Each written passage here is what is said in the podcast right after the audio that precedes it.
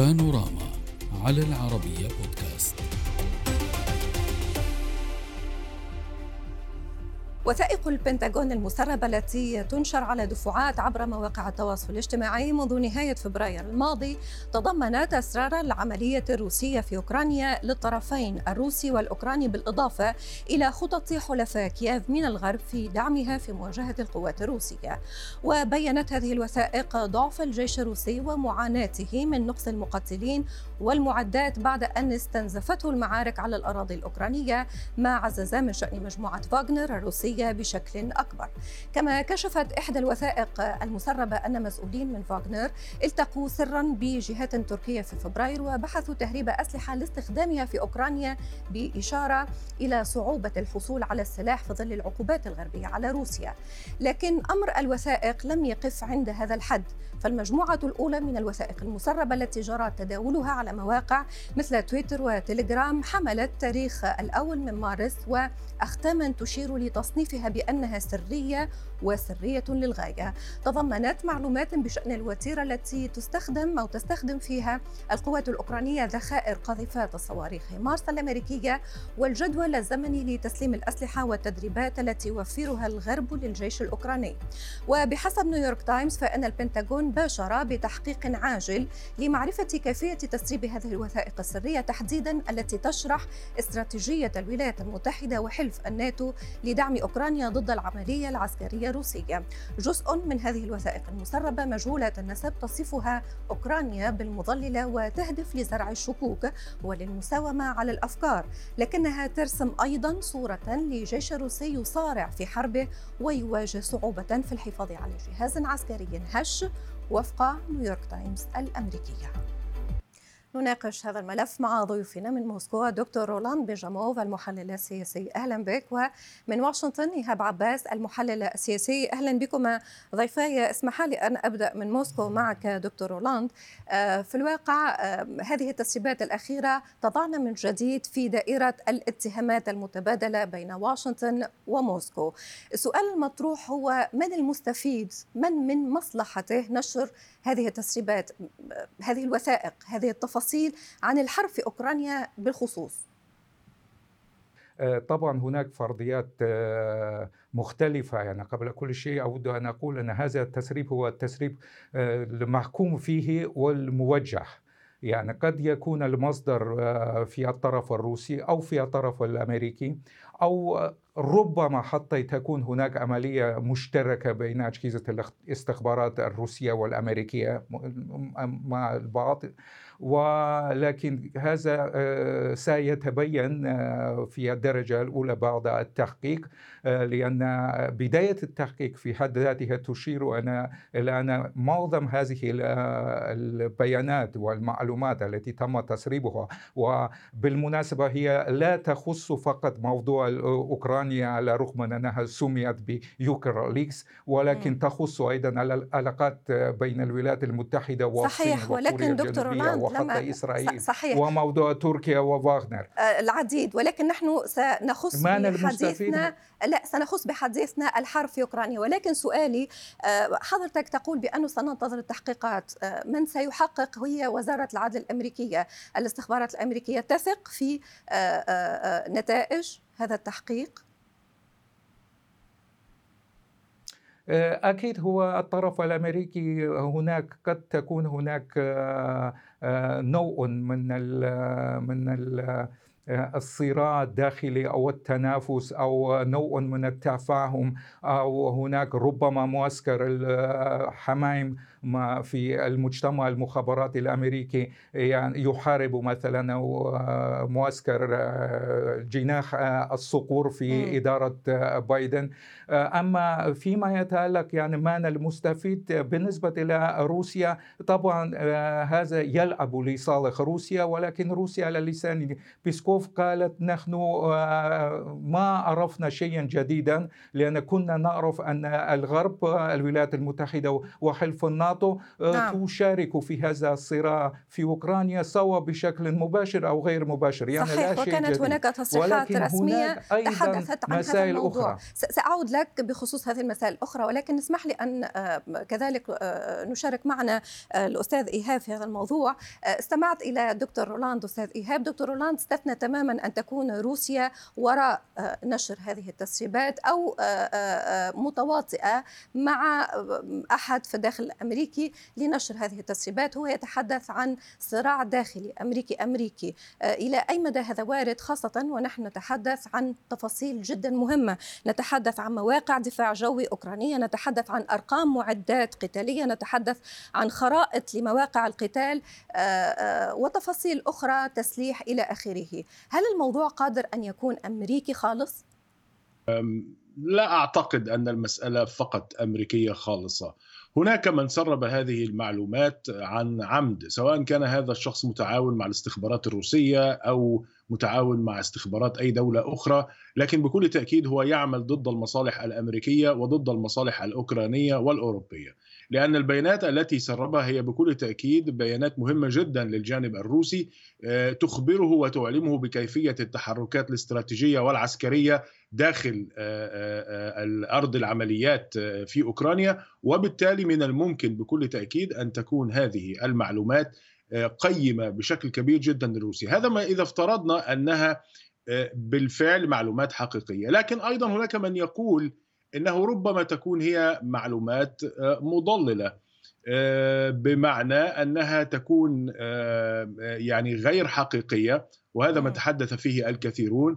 من أن هذه البيانات المتعلقة بأعداد جنود القتلى من الجانب الروسي غير صحيحة أن روسيا تكبدت أكثر من ذلك من الخسائر أن روسيا بنفسها ربما قامت بتعديل وإضافة بعض البيانات على هذه الوثائق المسربة. صحيح. حتى وهذا وهذا ما قالته نيويورك تايمز أستاذ إيهاب. نيويورك تايمز قالت بأنها صح. استندت إلى مختصين في هذا الإطار أكدوا لها بأن الوثائق أصلية ولكنها معدلة وهذه كذلك نقطة استفهام تطرح.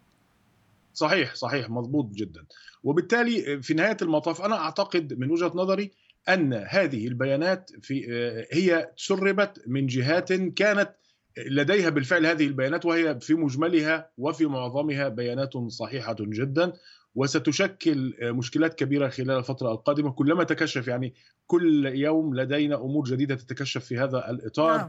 حتى عن علاقة إسرائيل باحتمالية أن أن تكون لها علاقة بهذا الأمر. صحيح إسرائيل نفت لكن البيانات تقول أو الوثائق تقول إن إسرائيل أعلنت من خلال الوثائق السرية أنها ستزود أوكرانيا بالسلاح وبالمعلومات والبيانات الاستخباراتية إلى آخره، فكلما تتكشف هذه الأمور خلال الفترة القادمة كلما سيكون هناك مشكلات للولايات المتحدة وحلفائها وأوكرانيا، وأعتقد أن التحقيقات الجارية الآن من قبل وزارة العدل الأمريكية يعني تشي بأن هذا الأمر فعل جد فعلا جدي وخطير وهناك بالفعل بيانات سربت وأنها غير مفتعلة. يعني آه، خلاصة آه، كلام حضرتك أو بعض ما أشرت له بأن المستفيد الأول هو روسيا ومن يدعمها من خلال آه، فضح بعض المعلومات. دكتور رولاند ما رأيك خاصة وأنك منذ قليل قلت بأنه لا جديد يذكر فيما يخص هذه الوثائق، أشرت إلى حلف الناتو ولكن هذه الوثائق لم تبين فقط مشاركة حلف الناتو في هذه الحرب، هي بينت وثائق وبينت تفاصيل قد تكون غائبة عن الجانب الروسي وبالتالي قد تكون روسيا هي المستفيد وقد تكون هي التي تقف وراء نشر هذه المعلومات.